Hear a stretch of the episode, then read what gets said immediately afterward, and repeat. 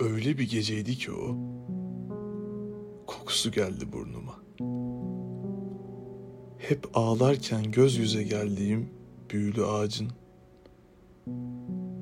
İlk defa ben onu öyle gördüm. Işığını kendisi vermiş, lambaları öyle yakmış.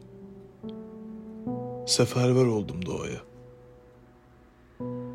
Özgürlük çaldı kapımı sağ olsun. Hiçbir şeyi başlamadan bitirmek olur mu?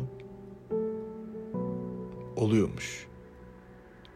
Günlerin akışının herkese eşit davranmadığı nerede görülmüş? Ya da yangın sönmeden üşüme nasıl başlarmış? Gözlerin görmeden hayat uyanmaya başlamış. Yazmadan bir şair kelimeleri okumuş.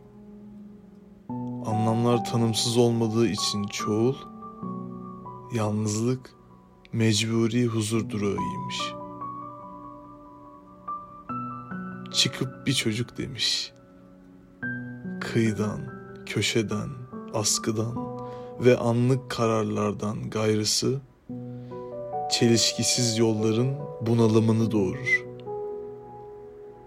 Sonra bir daha da sussun istememiş.